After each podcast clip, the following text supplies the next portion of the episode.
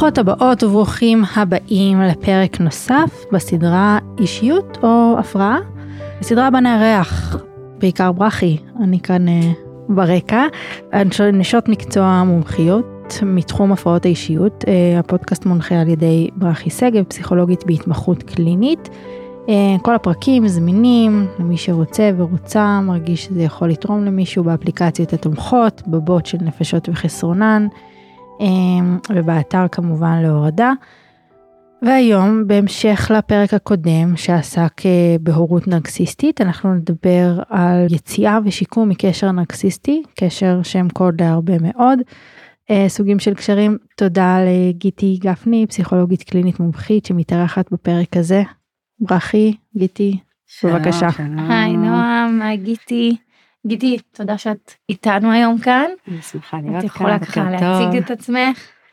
אה, גיטי גפני, פסיכולוגית קלינית, מומחית.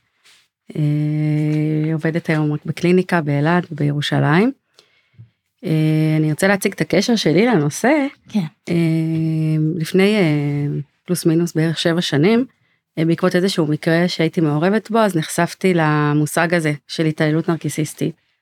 וגיליתי שיש פה תחום חשוב מאוד ומשמעותי שהבנתי שאני לא מכירה ושהוא לא קיבל מספיק דגש בכל שנות הלימודים וההכשרה שלי עד אז. ופשוט באופן עצמאי התחלתי לחפש חומר ללמוד את הנושא. וככל שלמדתי הבנתי עוד יותר כמה ידע בנושא הזה הוא קריטי וכמה טיפול נקרא לו טיפול רגיל אה, כשאין ידע בעצם בנושא הזה עלול ממש להסב נזקים ואפילו לייצר לפעמים סוג של פגיעה נוספת במצב כזה. אה, באיזשהו שלב נוצר גם קשר אה, ביני לבין אה, חני לורנצי ועינב יולביץ' שבדיוק הקימו איזשהו מיזם מיזם של עוגן למי שמכירה של הנגשת חומר וידע בנושא והם בעצם היה להם חשוב גם לפתח טיפול מותאם ככה מתוך ההיכרות של הפגיעה.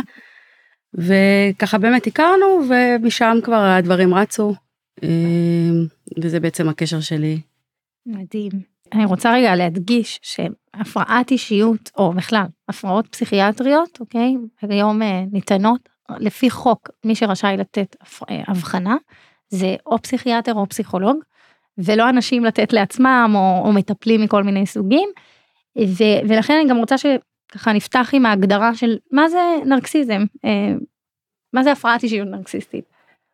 טוב, אז אה, לנרקסיזם יש הגדרות שונות, ובאמת אם אנחנו רוצים אה, ללכת להגדרה המקובלת, אנחנו נפנה ל-DSM. אה, שם בעצם נרקסיזם מוגדר כאחת מהפרעות האישיות. ואם אני ככה אקריא את הכותרת שלו בתמצית, מדובר על דפוס גרנדיוזי בפנטזיה או התנהגות של צורך בהערצה, חוסר אמפתיה, זה דפוס שמתחיל בבגרות המוקדמת והוא קיים במגוון הקשרים. עכשיו, ה-DSM מציין כמה הקשרים, שמתוכם לפחות חמישה צריכים להתקיים, בכדי שנוכל לאבחן אדם בהפרעה הזאת.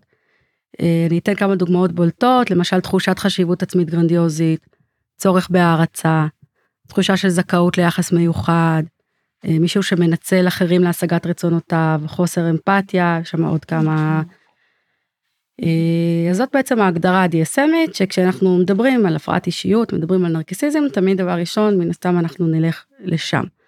עכשיו בנוסף לזה אפשר למצוא הפרעת אישיות היא בעצם זה זאת אומרת זה חלק מהאישיות נכון נכון okay. אוקיי. ולכן הדגש הוא על על משהו שכנראה מתפתח כבר בשנות הבגרות המוקדמת. שאז מתעצבת האישיות. בדיוק. עכשיו בנוסף לזה יש גם הגדרות מכיוונים תיאורטיים שהגדרות האלו צמחו בדרך כלל מתוך ההתנסות הקלינית של ההוגים. אנחנו יכולים לראות את זה החל מפרויד שטבע את המושג שהוא שאל אותו מהמיתולוגיה היוונית של נרקיסוס. אה, מאוחר יותר אפשר למצוא התייחסויות של אנשים כמו מקוויליאמס וקרנברג שהם אפיינו יותר לעומק את אה, מבנה האישיות הזה. אה, מודל שיותר התאים לתיאור של החוויה הנרקיסיסטית הוא מודל החסר. וזה משהו שאנחנו חווים אה, כשאנחנו בעצם נמצאים באיזשהו קשר עם נרקיסיסט, יש משהו שחסר בחיים הפנימיים שלהם. איזה ריק, ואקום. איזשהו ריק, בדיוק. ככל שהמשיכה עוד תצפית פסיכואנליטית על האישיות, אז נעשה ככה ברור גם שהאישיות הגרנדיוזית הגלויה היא רק צורה אחת של מה שאנחנו קוראים לו הפרעות של הסלף. סלף זה עצמי. של העצמי, בדיוק. יש בעצם לאט לאט אתם התחילו אה, אה, להציע עוד כל מיני סוגים של נרקיסיזם ולכן אה, ה-DSM לבד הוא לא תמיד מספיק זאת אומרת הוא, הוא נקודת לא היצואה. שלנו אבל הביטויים שבעצם אנחנו נראה הם לפעמים יהיו שונים. אז בגדול היום ככה המשגה אנליטית עכשווית אם נקרא לזה היא מדגישה ביטויים גלויים שונים של קושי מהותי בזהות ובהערכה העצמית ובגדול נעשית הבחנה בין מה שנקרא לו נרקסיזם גלוי לנרקסיסט הביישן או נרקסיסט סמוי. אנחנו יכולים למצוא את זה גם ב-PDM שזה המדריך האבחוני הפסיכודינמי. שפחות מכירים את האנרקסיסטים הסמויים. נכון. זאת אומרת, אנשים בעולם... וחשוב לא לדעת שיש ביטויים שונים. עכשיו תראי יש עוד המון המון מקום לשיח והרבה תיאוריות שאנחנו יכולות לדבר דרכם על סוגים של נרקיסיזם על צורת ההתקשרות הראשונית שלהם ומן הסתם לא התקשרות בטוחה אבל אנחנו לא נרחיב פה ואיך עלולה כמובן להתפתח אישיות כזאת. אבל הסיבה שאנחנו פה היא לא רק בגלל הנרקיסיסטים אלא בעיקר מבחינתי לפחות בגלל הפגיעה הגדולה והנזק שהם גורמים לאנשים שנמצאים איתם באיזשהו סוג של מערכת יחסים. זאת יכולה להיות מערכת יחסים של הורים, מערכת הורית, מערכת זוגית, מערכת תעסוקתית, מערכת חברתית. מעניין שסימינגטון הוא מאפיין גם מערכות אה, כלליות, זאת אומרת מערכות תעס- תעסוקתיות, מערכות תיאורטיקן גדול, תיאורטיקן, והוא מאפיין גם מערכות ככאלה שעשויות להתאפיין אה, לפעמים בנרקיסיזם. הן מזמינות את זה לכאורה, הרבה פעמים, נכון? נכון. והוא ממש, ממש מתאר, זאת אומרת, איך אפשר לזהות שמערכת אה, כלשהי מתנהלת בעצם באופן נרקיסיסטי. וואו. בכל מקרה, אחד הקשיים בתחום, אה, בתחום האבחוני ובתחום הזה בכלל, הוא שהנרקיסיסטים בדרך כלל אינם באים לטיפול, זאת אומרת, אלא הם דוחקים אותם לפינה, למה? כי הם לא סובלים לרוב? כן? זאת אומרת, בדרך כלל... הם במקרים- בעמדת המנהל או עמדת, נכון? הם, הם גורמים נזק בעיקר לסביבה, זאת אומרת, יהיו מקרים שהם יבואו מרצונם, אבל בדרך כלל זה יהיה כי הם רוצים לשנות את הסביבה, או ללמוד טכניקות, או כי הם מרגישים שמשהו לא, לא נכון באיך שהדברים מתנהלים. אבל אחד הדברים שמאפיינים הפרעות אישיות בכלל ונרקסיזם בפרט, זה הקושי בהתבוננות פנימית. זאת אומרת, יש קושי באינפרוס- באינטרוספקציה. באופן ככה כללי אני אגיד שהנפש היא, היא מאוד מפוצלת, זאת אומרת, ממש נרקיסיסט, אחד הדברים שמאפיינים אותו, לא רק אותו, אבל כמו שאמרנו, זו אותה חוויה של הריק, ובעצם איזשהו קושי מאוד גדול בהתבוננות פנימית. בביקורת עצמית, כי למה? כי הכל יקרוס? כי הוא לא מסוגל לראות את עצמו כשלם, הוא לא מסוגל לראות את עצמו אה, כגם אה, חלקים שהם כגם לא טובים. וגם, יש אוקיי. חלקים שהם מוכחשים ומושלכים וואו. החוצה. עכשיו, מעבר לזה יש כמובן גם קושי באמפתיה שמתאפיין בחוסר הבנה שיש אחר, שהאחר הוא אינדיבידואל, שיש לו קיום עצמאי והאחר הוא לא רק כלי לשימוש לצרכים שלי. זאת מהסיבה הזאת רוב מי שיבואו לטיפול הם הנפגעים של אותם נרקיסיסטים שהם לא תמיד יבינו אפילו שהם נפגעים שהם נתונים או שהם היו נתונים בתוך איזושהי מערכת של התעללות מתמשכת. הם באים בעיקר בגלל סימפטומים. זאת אומרת הם באים הרבה פעמים הסימפטומים הם באים בעיקר. קושי לסמוך על עצמי ועל הבנת המציאות שלי קושי להחליט החלטות הם מרגישים שהרגשות לא מבוסתים דיכאון באמת כמו שאת אומרת האשמה עצמית חרדה אנחנו רואים לפעמים תחלואים גופניים הפרעות אכילה ו- גם. גם הפרעות אכילה וגם באופן כללי הרבה מחלות אוטואימוניות כאילו פיברומיאלגיה. קרון ראיתי מיאסטניה אה, ראיתי תפקודים שמשפיעים על ראייה זאת אומרת אני מאמינה שהדברים האלו לצערי הם לא מספיק נחקרים זה זה די בתחילת הדרך אבל אבל יש המון תופעות גופניות שבאופן סדרתי אפשר לראות אצל אנשים שהם נמצאים אה, חוו או חווים איזושהי פגיעה נרקיסיסטית מתמשכת. כי למעשה זה סטרס מתמשך, אז יש המון היגיון שיש זה נכון, שם. וזה כן. אפילו מעבר לסטרס, זאת אומרת הפגיעה הזאת היא מאוד דומה לקומפלקס PTSD, זאת אומרת וואו. מדובר בעצם שבתוך מערכת יחסים נרקיסיסטית, הדבר שבעיקר נפגע הוא מבנה העצמי. מהמם. עכשיו מה שבעצם אומר שאנחנו הרבה פעמים נראה בקליניקה אנשים שבאים עם בעיות לכאורה ולעיתים הנרקיסיסט שקיים בחיים שלהם עוד עובד בלהעצים את הבעיות לכאורה האלה להקטין את הנפגע עוד יותר ולהשתמש בזה לצרכיו. זאת אומרת יכול להיות מצב שבו הנרקסיסט בא והוא מטפל באשתו המסכנה או הנרקיסיסטית באה לתמוך בבעלה או בילד שלה מלא הבעיות שלמעשה בעצם היא, היא מנצלת את זה זאת אומרת היא זו שיוצרת את הבעיות אבל מאוד נוח לה להשליך את זה עליו.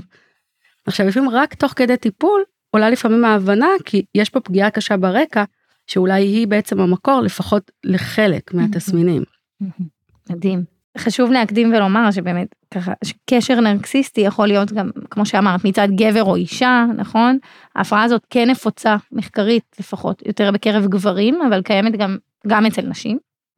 אה, ובכל מיני מערכות יחסים, כמו שאמרת, עבודה, בקשר זוגי, גם בקשר טיפולי, אנחנו רואים את זה.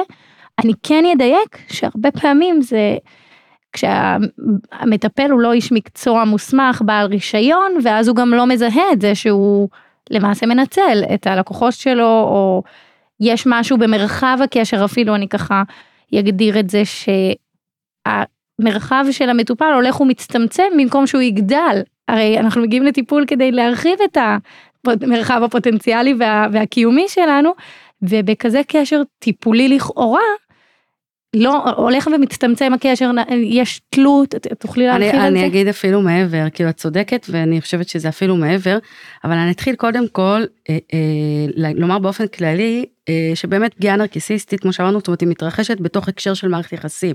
Mm-hmm. אה, כמו שאמרנו, זה יכול להיות מערכת יחסים בתוך המשפחה, בין הורים לילדים, בין בני זוג, בתוך מערכת יחסי עבודה ועוד, וכמו שאמרת, זה יכול לאפיין גם נשים וגם גברים, ואני אוסיף שבכל סטטוס סוציו-אקונומי. עכשיו, אגב, אני לא בטוחה שההפרעה הזאת באמת נפוצה יותר בקרב גברים. אני כן יותר חושבת שאופן הביטוי שלה יכול להיות שונה. מדהים, ממש דיוק אה, חשוב. שיכול להיות שונה אצל גבר ואצל אישה, אבל שוב, זה דיוק מאוד חשוב. כמו שאני אגיד בהמשך, זה נושא שדורש עוד הרבה מחקר. אה, וכמו שאמרת, אה, פגיעה כזאת באמת עלולה להתרחש גם בקשר טיפולי. אה, ואני אגיד יותר מזה, שלפעמים אנשים שהם בעלי מאפייני אישיות נרקיסיסטים, מוצאים בעמדה הזאת, מחפשים את העמדה הזאת של להיות מטפל, והם mm-hmm. מוצאים בעמדה הזאת קל נרחב, קר נרחב לשליטה ולניצול של אנשים. וואו. אבל זו הסיבה שמטפלים, למשל בעלי רישיון, שעוברים המון שנות הכשרה, נכון. הם בעצם מקבלים הדרכה, נכון. שבהדרכה אתה יש supervision, יש, נכון? כאילו יש supervision, כן, כשאתה מטפל בעל רישיון, קודם כל אתה חייב באמת לעבור אה, אה, הדרכות ובקרות שונות מצד אנשי מקצוע ועוד מומחים. וקודם כל מטבע הדברים הכוח שלו מוגבל, הוא כפוף ממ-הממ. לכללי אתיקה, הוא, הוא ממ-הממ. כפוף לבקרה, הוא לא יכול לעשות ככל העולה על רוחו. Mm-hmm. מטפל שהוא לא כפוף, זאת אומרת אם, אם משהו בגבולות שלו לא סגור עד הסוף, אם מבנה האישיות שלו הוא טיפה עם קווים נרקיסיסטיים, הוא יכול להיות מטפל מאוד מאוד מסוכן. פוגעני. ומאוד מאוד פוגעני. אה, אגב, אנחנו עלולים למצוא לפעמים אנשים נרקיסיסטים גם אה, בדמות, אני אקרא לזה המורה המיטיבה, שמכניסה לבית בנות שקשה להן, ואני אעצור כאן. זאת אומרת, הדגש הוא מבחינתי, שזה יכול להיות בכל מקום, זה יכול להיות מכל אדם, וזה בעיקר בעיקר מסוכן לעמדה שיש בה היררכיה. כי אז למעשה יש ניצול של צרכי העצמי של המטפלת לכאורה או המורה העוזרת או כל מי שזה לא יהיה או או המחנך, ש, שהחברותה הזה, נכון. שיכולים בעצם אה, להיות פוגעניים, כי צורכי האחר לא נראים, אלא הסיפוק, המשמעות, החוויה של ההצלחות כביכול, נכון, הם נכון. רק לצד אחד. ואני אגיד שוב, גם בואי לא נשכח שאנחנו מדברות פה על פגיעה שהיא לעיתים קרובות מאוד מתוחכמת ומאוד סמויה. Mm-hmm. זה יכול להיות משהו מאוד מאוד מיטיב, אבל בתוכו יש המון המון אלמנטים רעל. של שלייה, שליטה ורעל והקטנה. ולכן המודעות פה היא מאוד מאוד חשובה.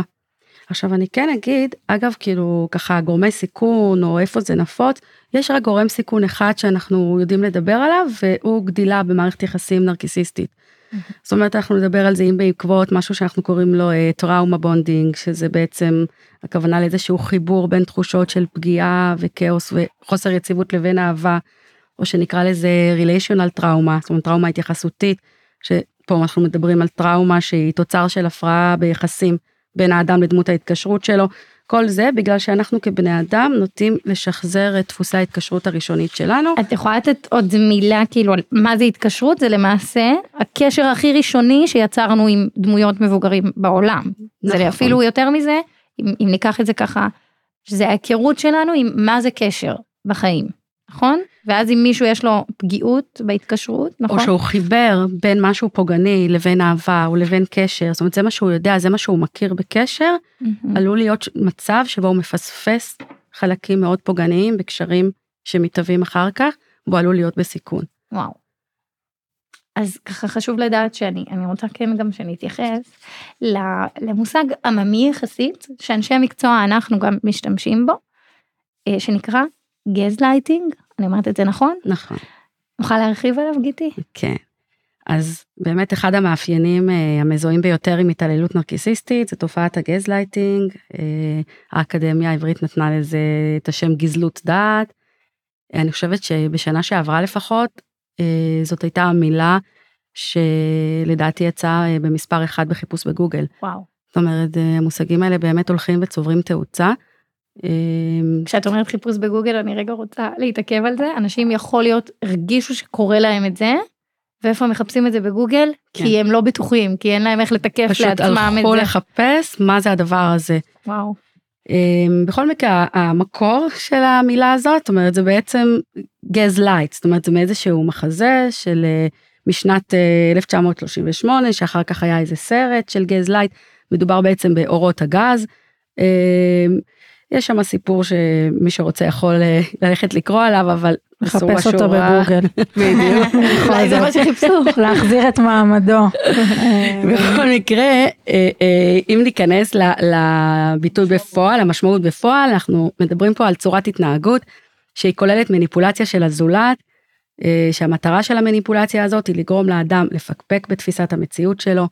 זו מניפולציה שהיא גורמת לאובדן של לכידות העצמי של הקורבן ופגיעה משמעותית בתפקודי העצמי שלו. זאת אומרת, זה משהו שבעצם מטילים ספק בבן אדם, מטילים ספק בבן אדם, באיזשהו שלב הוא עצמו לא יודע מי הוא, הוא לא בטוח מה הוא, אם- זה מגיע לרמה שוב במחזה המקורי זה הגיע לרמת קיצון של אישה שכבר לא ידעה אם היא רואה את האורות דולקים או לא זאת אומרת אם התפיסה החושית שלה פיזית. נכונה וואו.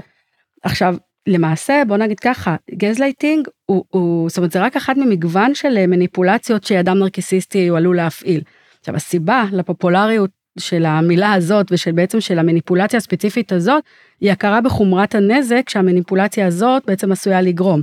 כמו שאמרתי כשמטילים בך ספק פעם אחרי פעם אתה מתחיל להטיל ספק בעצמך וואו. והדברים האלה מגיעים במקרה קיצון עד לאובדן שפיות ממש. זאת אומרת זו המניפולציה הכי מסוכנת.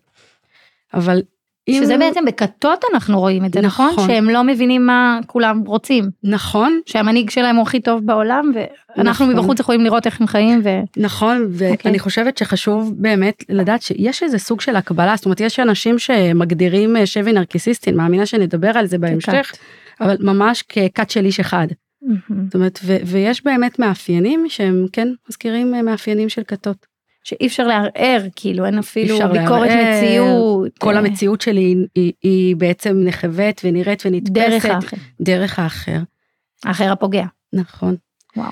אבל אם אני רגע אם ננסה נניח להבין מאיפה מגיעה המניפולציה הזאת זאת אומרת לקחת את הגזלייטינג ובאמת להבין שהוא זאת אומרת זו מניפולציה מתוך מגוון זאת אומרת נזכור שהיא מגיעה למעשה ממקום שבו הנרקיסיסט כאמור לא מצליח לראות את האחר כזולת בעל נפרדות וקיום עצמי. התפיסה הנרקיסיסטית היא שהאחר אמור לשמש אותי ולספק צרכים שלי אם בתור הורים צרכים של שלוחה נרקיסיסטית שבה ההורה מצפה מהילד להדיר את שמו.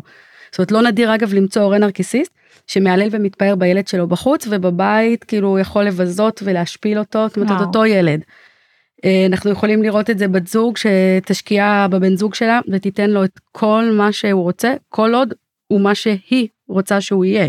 אנחנו יכולים לראות את זה בבוסית שהיא תיתן צ'ופרים ו- ו- ותפרגן כל עוד היא מקבלת בתמורה הערצה והאדרה של שמה. מטפל שהוא מעניק ונותן כל עוד הוא זוכה לכותרת של האדם הטוב והנערץ שהעצות שלו זאת מצילות אומרת, אי חיים. אפשר להשליך על מטפל כזה כעס או כאב, או... בדיוק מה קורה אז אז איזה טיפול זה? בדיוק מה קורה כשהילד לא נמצא בתבנית שההורה הועיד לו מה קורה כשיש לו רצונות משלו צרכים מה משלו. קורה כשהאישה באה לבוסית ומבקשת העלאה. בשכר? בדיוק. מה קורה אם לבן זוג יש דברים שאשתו פחות אוהבת, או איזה חלקים באופי שמבחינתה הם מיותרים, שיש ביקורת.